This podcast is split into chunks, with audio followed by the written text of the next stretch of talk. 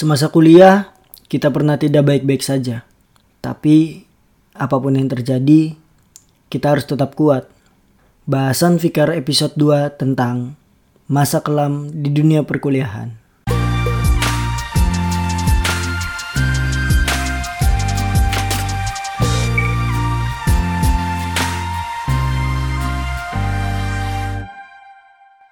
Setelah sebelumnya saya membahas tentang keluarga, berbagi cerita dengan teman-teman semua, beberapa respon positif, kritik dan saran dari teman-teman membuat saya bersemangat untuk berbagi cerita kembali. Apa kabar kalian semua? Semoga selalu baik-baik saja.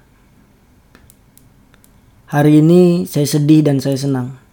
Sedihnya karena ketemu dengan pasangan dulu yang sudah berjalan lagi dengan orang lain. Senangnya karena akhirnya dia mencapai apa yang dia inginkan. Memiliki masa-masa sulit semasa hidup bukan hal yang tak mungkin tidak dimiliki oleh kita sebagai manusia. Spesifik masa-masa sulit saat semasa kuliah, berikut akan saya bagikan kisah nyata yang berasal dari saya ataupun lingkungan sekitar saya.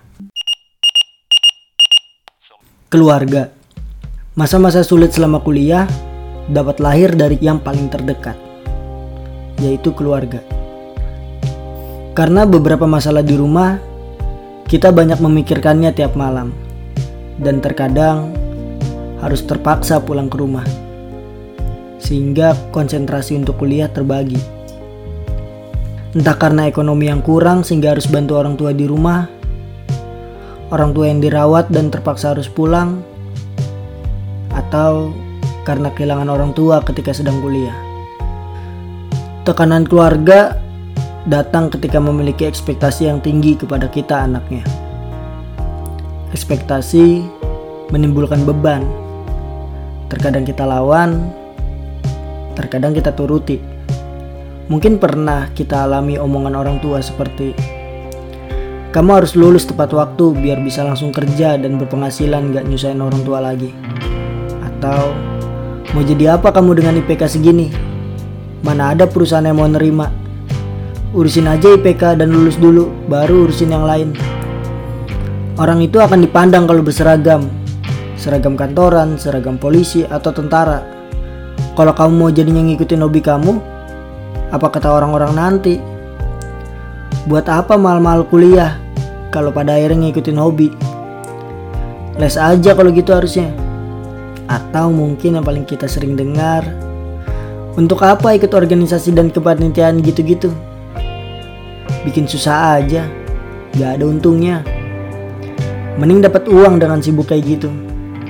Ngabisin uang malah iya. Susah nyari uangnya. Selain tekanan dari keluarga, mungkin kita juga pernah dibandingkan dengan orang lain. Hal itu tidak pernah luput dari kehidupan kita. Kata-kata yang mungkin kita alami seperti Masa kalah sama kakakmu yang IPK-nya kumlat? Atau bahkan kayak teman kamu aja udah pada lulus, kenapa kamu belum? Omongan-omongan tersebut yang akhirnya membuat kita terkadang mengikuti permintaan keluarga untuk menjadi yang mereka inginkan. Untuk setidaknya mereka bahagia. Hal itu menjadi motivasi atau terkadang beban tergantung bagaimana kita menafsirkannya. Semoga menjadi hal yang terbaik untuk kita lakukan. Saat beberapa orang dapat konsen dengan perkuliahan tanpa beban ekonomi sama sekali,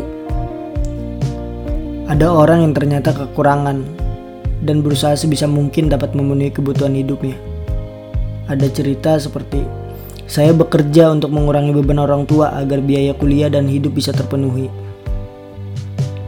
atau kisah kelam seperti Al tahun ini adalah masa kelam yang saya miliki setelah nilai UAS keluar. Saya kebingungan. Gak tahu gimana caranya bayar UKT untuk semester berikutnya. Karena bidik misi saya dicabut akibat IP semester ini anjlok di bawah 3. Kesalahan nyontek satu matkul berimbas ke semua matkul dapat E. Hal ini memang kebijakan dari fakultas. Saat itu saya bingung harus bercerita kepada siapa. Jika saya bayar UKT normal dan harus bilang kepada orang tua, Saya nggak tahu gimana rasanya mereka sedih dan harus makin bersusah payah ngebiayain saya. Dari kisah tersebut, beberapa orang mungkin akan terlihat biasa saja tanpa peduli bagaimana orang tuanya susah mencari uang. Sedangkan kita sibuk pacaran dan jalan-jalan bersama teman mengikuti gaya hidup. Kita adalah orang yang termasuk di dalamnya. Lingkungan sekitar tidak luput dari masa kelam. Lingkungan yang tidak baik membuat seseorang dapat dengan mudah mendapatkan judgement dari orang lain. Seakan support dan saling bantu-membantu menjadi sulit. Kehidupan yang individualis ternyata tidak cukup bantu dalam menyelesaikan masalah-masalah yang ada. Menjadi maba dengan lingkungan yang berbeda dengan sewaktu saya sekolah membuat saya harus menyesuaikan diri dari segi penampilan dan berbicara. Hal ini membuat saya sedikit kesulitan untuk mendapatkan teman. Bahkan kehilangan banyak teman. Dianggap toksik. Toksik adalah kata-kata yang sedang fenomenal saat ini. Seakan-akan ini jahat, itu jahat, apa-apa jahat. Ini buruk, itu buruk, apa-apa buruk. Dianggap toksik sama teman kelas karena nyusahin selama proses perkuliahan, padahal karena ada masalah kesehatan yang gak kunjung sembuh. Dianggap toksik sama teman organisasi karena nyusahin selama proses berorganisasi padahal karena ada masalah keluarga yang tidak kunjung selesai. Dianggap toksik sama teman organisasi dan kepanitiaan padahal hanya sebatas mengungkapkan pendapat saja yang kemudian dibungkam dengan penilaian yang subjektif. Dimarahin cutting karena telat ngumpulin praktikum melakukan kesalahan di sosial media berantem sama kating dan adik tingkat karena hal sepele dari hal-hal tersebut kemudian diomongin sama semua orang di lingkungan prodi. Dampaknya cukup besar. Saya takut untuk datang ke kampus dan melanjutkan kuliah. Atau mungkin dari teman-teman pernah mengalami seperti saya sulit menguasai dan memahami mata pelajaran kuliah saya nggak tahu ini salah jurusan atau bukan. Selalu mendapatkan nilai yang gak maksimal, padahal udah usaha semaksimal mungkin. Saya pun gak tahu ke depannya ingin jadi seperti apa setelah nanti lulus. Saya benar-benar takut akan kehidupan selanjutnya dan terlalu nyaman dengan kehidupan yang sekarang. Atau kisah seperti saya pernah menjadi ketua pelaksana di kepanitiaan akbar tahunan di organisasi. Saat itu ketika mau hari hak kegiatan, kondisi uang kepanitiaan minus. Sedangkan semua peralatan sudah dipesan dan udah berusaha jual tiket sebanyak apa pun. Berbagai cara untuk mengurangi kondisi keuangan udah dilakukan, mulai mencari donasi, danusan, dan jual tiket. Saat itu, sedikit panitia mau peduli terhadap permasalahan keuangan ini. Dari segala bentuk sumbangan yang ada, semuanya belum tertutup dan masih besar angkanya. Saya mau cerita ke orang tua, takut dimarahin. Sampai akhirnya harus gade motor dan ngurangin uang kiriman orang tua, serta cari kerjaan untuk menyicil angsurannya. Sekarang semuanya udah selesai, dan hal itu dan masa-masa itu gak akan pernah saya lupakan. Sebenarnya ada banyak cerita dari orang lain yang mengirimkan email, akan saya bacakan semuanya. Beberapa tahun yang lalu, saat baru aja memasuki umur yang ke-18 tahun, aku seorang anak bontot yang dipercaya cukup manja dan cengeng ini ditakdirkan buat melalang buana ke kota kecil yang berjarak ratusan kilometer dari rumah. Jauh. Cukup jauh untuk membuat aku nggak bisa semudah itu untuk bertemu orang-orang terkasih. Nangis, sedih, kesepian adalah kata-kata yang tepat buat deskripsiin masa-masa awal perantauan itu. Tapi kali ini aku bukan mau menceritakan tentang itu. Cerita ini dimulai saat aku dipertemukan dengan seseorang, sebut saja Bon Bon. bon Bon adalah seorang manusia yang cukup idealis dan kritis. Mungkin dikarenakan sedang memainkan sebuah peran pada masa itu.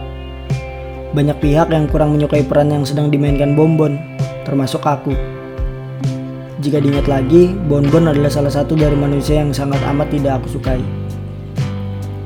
Tapi pernah dengar nggak bahwa janganlah terlalu membenci seseorang karena bisa jadi nantinya kamu berakhir sangat menyukainya. Dan itu terjadi padaku. Ternyata dia bukanlah seorang manusia yang menyebalkan, bahkan sebaliknya. Seperti yang sudah kukatakan sebelumnya, dia sedang memainkan peran. Singkat cerita, Bon Bon memberi warna yang cukup indah buat hidupku. Selain seorang teman dekat, dia selalu menjadi motivasi untuk bekerja lebih partner dalam bertukar pikiran, sahabat di kala senang maupun susah, Bonbon menjadi individu yang sangat berperan penting dalam hidupku hingga beberapa tahun kemudian. Enggak, enggak sendiri itu juga jalan cerita ini. Beberapa hal harus aku lalui, dan tentu itu enggak mudah buatku sampai aku memutuskan untuk menulis cerita yang kuanggap kelam ini. Hubunganku dengan Bonbon gak selalu mudah. Mungkin salahku yang terlalu fokus pada kebahagiaan yang kupunya bersama Bonbon, sehingga aku kurang memerhatikan sekitarku yang ternyata membuatku berpikir sendirian. Kehilangan orang-orang terdekat yang selalu menopangku, menyadari bahwa banyak pasang mata yang sudah melihatku berbeda, desas-desus negatif mengenai hubungan ini yang tentu membuatku kehilangan kepercayaan pada lingkungan dan bahkan diriku sendiri. Masa-masa itu cukup kelabu untukku. Harapan agar waktu cepat berlalu dan berjumpa dengan akhir pekan tidak pernah surut. Setidaknya adanya waktu kosong bisa membuatku menghabiskan waktu sendiri ataupun dengan bonbon tanpa perlu memikirkan apa yang publik katakan mengenai kami. Mungkin terdengar sepele, tapi bagi seorang INFP, hal tersebut sangat amat menguras hati, tenaga, waktu, dan pikiran. Hari demi hari, bulan demi bulan terus terlewati, bukan hanya ketegangannya yang berubah, namun diriku ikut yang berubah. Setelah ditempa dengan kesendirian yang bertubi-tubi, aku mulai berubah cara bersikap. Berada di kerumunan manusia di suatu acara bukanlah hal yang mudah bagiku. Aku selalu memiliki keyakinan bahwa kehadiranku yang tidak diharapkan di sana. Aku cemas akan pikiran orang lain saat melihatku, yang bahkan mungkin mereka tidak berpikir buruk tentangku, bahkan peduli pun tidak. Tapi hatiku terus merasakan hal itu.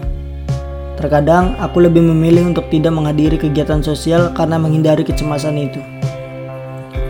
Selain itu, bicara mengenai lingkaran pertemanan, aku sudah tidak percaya akan hal itu. Lebih mudah untuk mempercayai hubungan dua arah, yaitu antara dua orang. Lebih simpel, itu alasannya. Dan terakhir, aku tak nyaman saat terkena spotlight. Bahkan saat mendapatkan spotlight dan suatu kesuksesan yang kuraih, tetap saja aku merasa saat orang-orang melihatku, mereka beranggapan negatif mengenaiku. Masa-masa terburuk yang benar-benar merubah caraku dalam bersikap, pernah merasakan pahitnya kesendirian yang terlalu dalam. Belajar bahwa pandai-pandainya melihat sekelilingmu, karena nggak semua orang tertawa bersamamu. Beberapa orang mungkin sedang menertawakanmu. Syukurlah, masa-masa itu sudah lewat dan menjadi titik balik seorang aku. Saat ini bersyukur akan apa yang aku punya. Mungkin memang sebaiknya hal itu terjadi, sehingga aku bisa jauh lebih menghargai mereka yang sampai saat ini selalu menampangku. Terima kasih kawan. Oh iya, dan kalau Bonbon, alhamdulillah dia tetap selalu menjadi penopang setiaku. Itu salah satu cerita yang dikirimkan ke email. Orang ini saya cukup kenal dan sebenarnya mungkin tidak pernah untuk melakukan kesalahan yang fatal gitu, bersama lingkungan sekitar ya. Saya harap orang-orang bisa mengerti terhadap kondisinya dan lebih peduli lagi terhadap dia dan dia selalu bahagia di hidupnya. Cerita lain, masa kelam saya selama kuliah adalah ketika saya tahu kakak saya memiliki anak di luar pernikahan. Sedangkan orang tua memiliki bisnis yang harus hati-hati menjaga nama baik. Nama baik keluarga. Awalnya Hal itu disembunyikan oleh kakak saya sampai pada akhirnya keluarga dari pasangannya datang ke rumah, keluarga kami, untuk minta kejelasan dan kita baru tahu itu semua setelahnya. Perasaan berkecamuk pada saat itu menerima kenyataan bahwa kakak saya menghamili orang lain dan harus menutupi itu semua. Ya, terima dan tidak terima. Akhirnya kakak saya menikah dan membawa istrinya masuk ke dalam rumah bersama anaknya. Anaknya lucu sekali. Tapi istrinya adalah orang yang saya rasa nggak saya anggap ada. Karena amarah dan kebenci dan kebencian saya kepada kakak saya yang bisa mempengaruhi kehidupan keluarga saya ke depannya. Di fase-fase tersebut, saya juga memiliki penyakit yang suka kambuh-kambuhan. Sehingga banyak yang mengganggu dan mengurangi rutinitas saya selama kuliah maupun organisasi. Dampaknya, saya suka diomongin oleh lingkungan sekitar tentang kehadiran saya yang kurang selama di kelas maupun di organisasi. Yang membuat saya merasa diri ini gak bisa lagi masuk ke dalam tanpa ada yang bertanya alasan saya seperti ini. Sampai pada akhirnya, saya pun kehilangan sahabat saya yang setiap hari bersama dengan saya ke mana pun kita bersama atas ketidakinginannya dia dibebani oleh saya. Karena ditanyain teman-teman dan ketidakmampuan saya dalam melaksanakan tanggung jawab padahal saya tidak pernah meminta untuk dibebani. Saya berusaha semaksimal mungkin menyelesaikan tanggung, tanggung jawab saya secara maksimal dengan kekurangan yang saya miliki. Akibat permasalahan keluarga permasalahan diri saya yang sakit dan kehilangan sahabat, sekarang saya berusaha hidup independen dan keluar dari zona nyaman untuk menyelesaikan semua tanggung jawab sendiri, tanpa perlu menyusahkan orang lain. Dan saya lebih senang dengan kondisi saat ini, karena juga merasa tidak perlu tanggung jawab yang lebih terhadap orang lain lagi. Orang ini juga saya cukup mengenalnya. Saya selalu berharap beliau mendapatkan apa yang dia inginkan dan menjadi orang yang lebih bahagia daripada hari kemarin. Dan segala masalahnya semoga bisa diselesaikan ataupun bisa diikhlaskan. Besar harapan saya kamu dan kalian bisa lebih baik. Dari pertemanan, setelah mengalami banyak masa kelam dan kesalahan selama saya hidup, saya belajar bahwa pertemanan yang baik adalah yang saling membantu membantu ketika saling membutuhkan saat di masa-masa sulit. Hadir secara langsung maupun tidak langsung. Ikut bangga ketika melakukan hal benar dan ikut mengingatkan ketika melakukan hal yang salah agar tidak tersesat. Mensupport hal-hal baik yang ingin dan sedang dilakukan temannya. Ikut merasakan susahnya, sedihnya, dan senangnya bareng-bareng. Saya mendapatkan itu semua saat ini. Terima kasih teman-teman saya dan masa kelam itu. Sebagai anak muda, proses pendewasaan tak luput dari pengalaman percintaan. Perkuliahan yang sifatnya bebas, tidak diatur, membuat banyak waktu untuk pacaran. Apalagi kalau ngerantau dan punya kos-kosan atau kontrakan yang bebas ada cerita lagi dari teman saya yang mengirimkan email. Dipancing dengan tema masa kelam selalu keinget waktu lagi galau-galaunya diputusin. Cerita ini gak bermaksud untuk menjelekkan dia ya tapi lebih ke gimana aku ambil pelajaran dari kejadian ini. Lama banget buat aku untuk berdamai sama situasi itu. Untuk berdamai dengan diri sendiri. Selalu mempertanyakan am I not enough bahasa Inggris saya bingung jadinya. Ke diri sendiri. Ngebuat aku ngerasa nggak worth it. Sedih. Udah pasti. Sedih ngeliat diri ini yang sedih terus. Awal-awal putus itu jadi masa yang paling berat. Ketemu hampir tiap hari dan ditambah banyak teman yang bilang dia deket sama ini sama itu. Bikin aku makin susah lupa. Sampai sekarang masih heran kenapa dulu nggak berani bilang ke teman-teman hei nggak usah kasih tahu info itu ke aku bisa nggak kita bernasib sama bu. Gak sedikit juga yang tanya nyesel nyesel nggak sih? Jawabku akan tetap sama Gak sama sekali. Kalau nggak dapat kejadian itu aku mungkin nggak akan ba gak akan belajar banyak aku mungkin nggak akan lebih kenal dengan diri sendiri. Kalau kata orang-orang di luar sana obatnya galau adalah cari kegiatan. Aku setuju. Kegiatan yang nguras waktu biar teralihkan dari situ aku belajar lagi buat menggambar belajar lagi buat nuangin apa yang ada di pikiran aku dengan nulis buku harian. Untungnya dua kegiatan ini jadi kebiasaan baik yang aku bawa sampai sekarang. Hal lain aku jadiin pelajaran adalah kalau ada sesuatu yang harus dikomunikasikan dengan seseorang, komunikasikan langsung ke orangnya. Jangan suruh orang lain untuk nanya. Jangan langsung percaya sama omongan katanya. Hal ini yang aku pegang di hubungan sekarang, gak cuma hubungan ke pacar, tapi juga ke sahabat, ke keluarga, dan ke orang lain. Aku berusaha untuk bisa menyampaikan apa yang aku rasain, berusaha untuk bisa berkomunikasi dengan lebih baik. Karena dengan begitu, aku bukan cuma jujur ke orang lain, tapi juga jujur ke diri sendiri. Ya, ini dia cerita dari teman saya dan itu benar banget sih. Ketika lagi fase-fase kelam karena percintaan, carilah kesibukan. Kalau teman kita ini menggambar, kalau saya coba-coba kamera analog. Karena lingkungan saya suka main analog juga sih.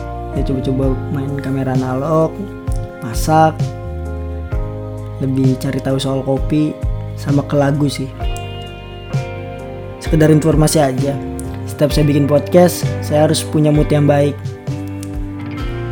Jadi harus dengerin lagu dan lagu-lagunya itu saya buat sendiri dan harus lagu-lagu itu terus ada cerita saya berpacaran dengan orang cukup lama Awalnya semua baik-baik saja.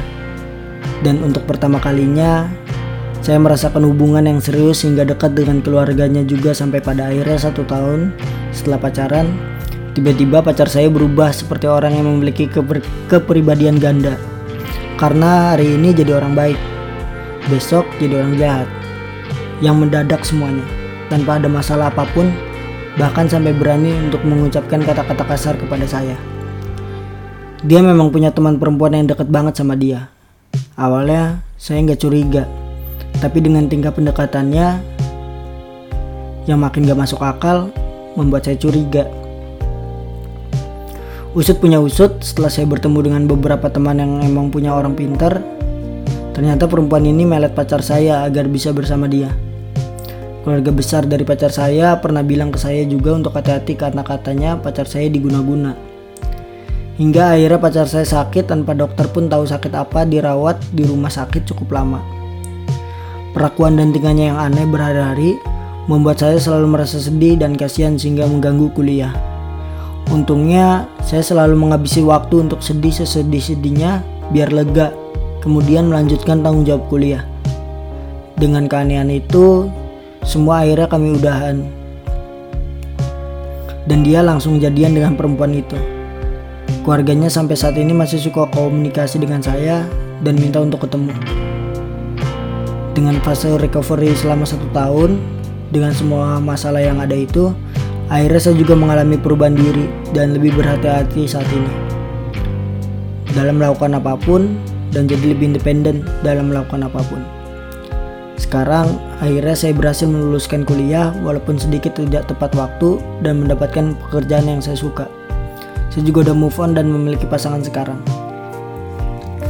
Cerita ini saya ketemu dengan orangnya dan ngobrol baru-baru hari ini belakangan ini seminggu ini.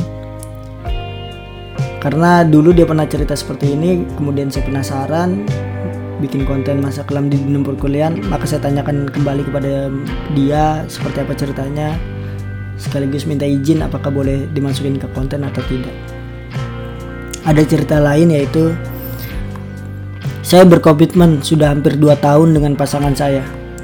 Kuliah bentar lagi selesai karena sedang menyelesaikan skripsi tinggal sidang saja.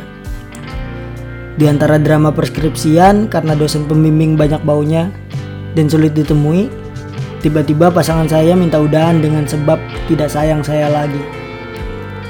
Kemudian dia menghilang begitu saja setelah apa yang dulunya dikorbankan dan diperjuangkan waktu-waktu itu dan perasaan-perasaan itu.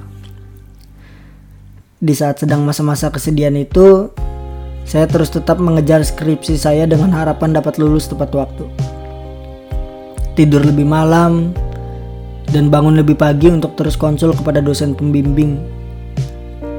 Salah satu dosen pembimbing saya harus cuman bisa ditemui pukul 6 pagi. Sampai pada akhirnya semua selesai dan siap untuk sidang. Saya masih ingat betul, pagi hari saya menelpon orang tua dengan senang sekali karena bisa sidang tanpa bayar UKT semester berikutnya. Alasan saya menelpon orang tua karena saya sudah tidak berhubungan dengan orang ini, jadi hanya orang tua saja yang saya hubungi. Siangnya ketika mengurus semua berkas keperluan skripsi dan mendaftar ke pihak akademik untuk sidang, Tiba-tiba adminnya bilang, ini kamu belum ambil satu matkul lagi. Saat itu saya masih ketawa-tawa nggak percaya. Tapi benar adanya. Ternyata ketika saya cek kembali, saya belum ngambil satu matkul itu. Saya benar-benar gak tahu dan itu adalah kesalahan bodoh yang saya buat. Saat itu juga saya langsung menangis menelpon orang tua karena hanya dia orang terdekat yang saya miliki setelah pasangan saya meninggalkan saya. Saya menangisi kebodohan yang saya buat dan banyak-banyak minta maaf kepada mereka karena tidak berhasil lulus tepat waktu. Hari itu saya pergi ke taman FP sampai larut memikirkan kebodohan yang telah saya buat. Selama prosesnya hingga akhirnya ingin berhenti kuliah, berat rasanya melalui itu semua hingga tidak ingin datang ke sidang atau wisuda teman. Bahkan saya sampai ke psikolog waktu itu. Diaktif akun IG juga, gak hubungin teman-teman juga. Beda banget waktu itu. Sekarang saya siap untuk sidang dan hampir menyelesaikan kuliah satu matkul lagi. Tinggal ujian saja. Sekarang juga saya lebih mengutamakan kepentingan keluarga dan fokus terhadap pekerjaan dan usaha yang akan dijalankan serta hobi-hobi yang saya kerjakan untuk memenuhi kehidupan saya di masa mendatang. Oh iya, pasangan saya waktu itu kemudian ngeblok saya semua secara komunikasi sosial media dengan saya. Dan akhirnya gak lama setelah udahan, dia jadian dengan selingkuhannya dulu dengan cara yang menurut mereka baik. Ya, selamat dah. Ada cerita lain juga ketika saya semester 6 saya hamil karena pacar saya. Saya depresi waktu itu karena belum siap menjadi ibu. Saat itu saya sedang sibuk-sibuknya harus ngurusin PKL. Dan menyembunyikan ini semua dari keluarga adalah hal yang terberat di hidup saya. Kemudian setelah perdebatan panjang kepada diri sendiri, saya akhirnya membuat keputusan untuk aborsi. Di situ saya melakukan semuanya serba sendiri. Datang ke dokter untuk aborsi, saya sendirian. Rasa sesal yang teramat, tapi harus tetap melanjutkan kehidupan, membuat segala hal menjadi berat. Saya tidak memiliki banyak teman waktu itu. Saya juga sedikit memiliki teman-teman yang dekat dengan saya, yang bisa mengerti saya. Tapi kemudian perlahan saya lalui hingga sekarang. Saat ini saya sedang melanjutkan skripsi. Cerita ini saya dengar hampir kira-kira satu tahun yang lalu. Cukup shock ketika pertama kali saya mendengar ini. Saya sangat berharap dia menjadi orang baik dan mendapatkan hal baik di hidupnya. Saya selalu berharap seperti itu. Kejadian ini terjadi di tahun 2017 ketika saya kuliah di semester 6. Saya adalah seorang istri sekaligus ibu bagi seorang anak yang masih belia. Suami saya tidak menafkahi saya lebih dari enam bulan. Maka saat itu saya harus kerja keras agar anak saya bisa makan. Saat itu saya mengurusi sidang perceraian. Sidang perceraian cukup menguras emosi dan tenaga karena perihal akasu anak yang harus saya dapat. Tapi sulit karena saya tidak bekerja. Tetapi akhirnya karena dibantu oleh teman-teman dan keluarga, saya mendapatkannya. Saya sangat bersyukur akan hal itu. Saya tidak bisa jauh dari anak saya.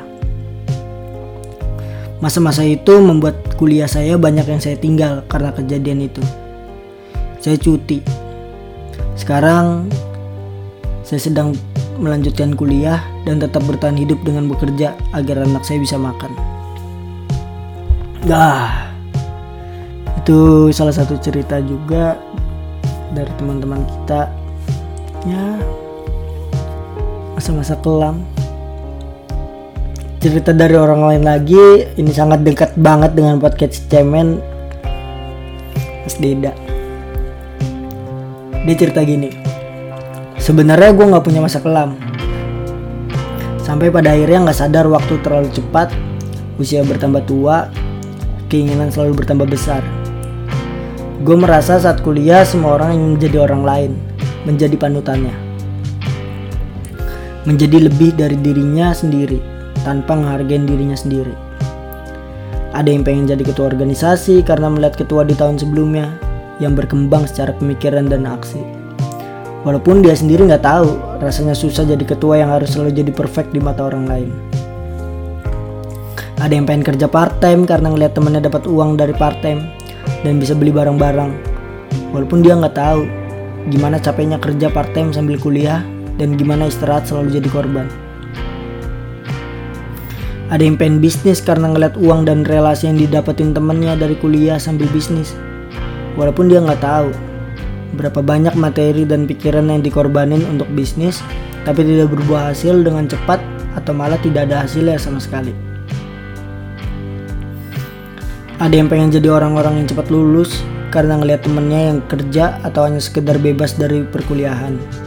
Walaupun dia nggak tahu pengorbanan waktu pikiran dan hati orang-orang yang dulu selalu nunggu dosen, kerjaan skripsi, sampai ngurus administrasi kampus atau dia belum bisa bayangin bagaimana perasaan saat dia udah daftar kerja sana sini tapi belum diterima di mana-mana dengan alasan yang dia aja nggak tahu.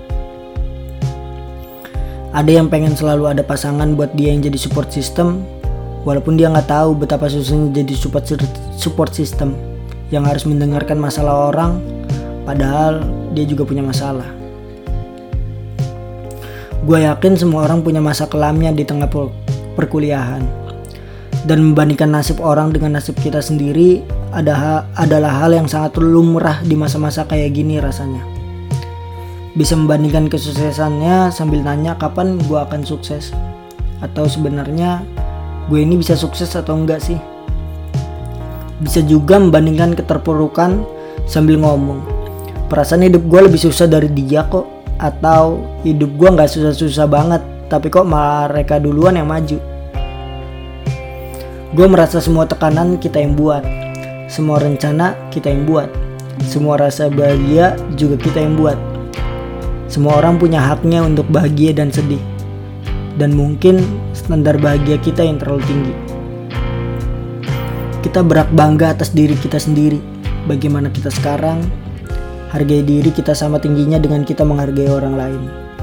Ini mungkin bukan masa kelam secara eksplisit, tapi inilah yang gue lihat dari keseharian gue selama kuliah. Salam enjoy kalau kata Fikar. Asik. Terima kasih Deda. Deda Maria Teguh. Masa kelam membutuhkan waktu untuk istirahat, untuk menerima kenyataan sebelum menghadapinya. Setiap orang berbeda-beda waktu istirahatnya untuk menyembuhkan itu semua. Bisa jadi hingga sekarang luka masa kelam tidak benar-benar sembuh. Sayangnya waktu terus berjalan. Kehidupan harus dilanjutkan. Kita harus kembali dan menjadi orang yang lebih kuat. Masa kelam membuat orang memiliki pengalaman yang pada akhirnya menjadi lebih berharga karena masa kelam itu menjadi pondasi pondasi landasan ke depannya dalam menentukan kehidupan yang kita inginkan. Pada akhirnya, setelah melalui itu semua, kita memiliki dua pilihan: menjadi orang yang sama seperti dulu, atau menjadi orang yang lebih baik orang yang peduli terhadap orang lain agar tidak mengalami apa yang kita alami. Selayaknya dan seharusnya memanusiakan manusia. Selamat karena kita telah melaluinya. Kita adalah bagian dari orang-orang yang kuat itu. Semoga hidup kalian jauh lebih indah setelah ini semua. Kita dapat berkomunikasi via IG di podcast cemen dan via email di podcastcemen@gmail.com. Saya Fikar dan sampai jumpa di konten bakar selanjutnya. Bye.